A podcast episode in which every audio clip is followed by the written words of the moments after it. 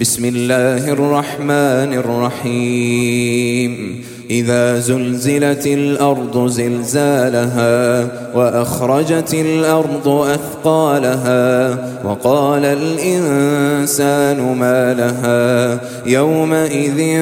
تحدث أخبارها بأن ربك أوحى لها يومئذ